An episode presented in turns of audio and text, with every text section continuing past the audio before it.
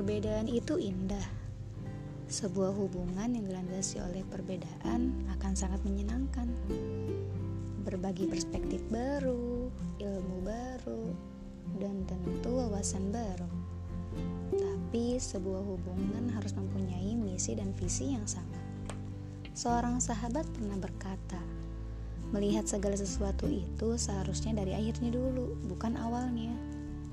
Kata-katanya membuatku merenung kecuali itu bersangkutan dengan menonton film atau membaca buku. Aku setuju dengannya. Melihat sesuatu harus dari akhirnya dulu. Sebuah hubungan yang tidak akan berakhiran baik dan tetap dijalani hanya akan menyakiti satu sama lain. Kata-kata semacam jalani saja dulu tidak sepatutnya dijadikan landasan untuk mengawali sebuah hubungan. Mari mengacu pada kalimat Friedrich Hegel bahwasanya kita semua laksana aliran sungai.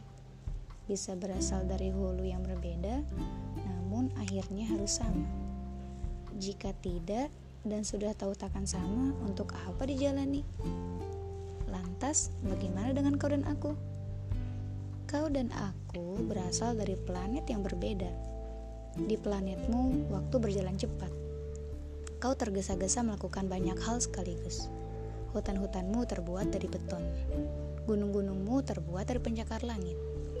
Sementara sang waktu di planetku berjalan lambat, hingga aku terlalu sering menatap gemintang. Hutan-hutanku terbuat dari pepohonan. Gunung-gunungku terbuat dari lava yang terendap.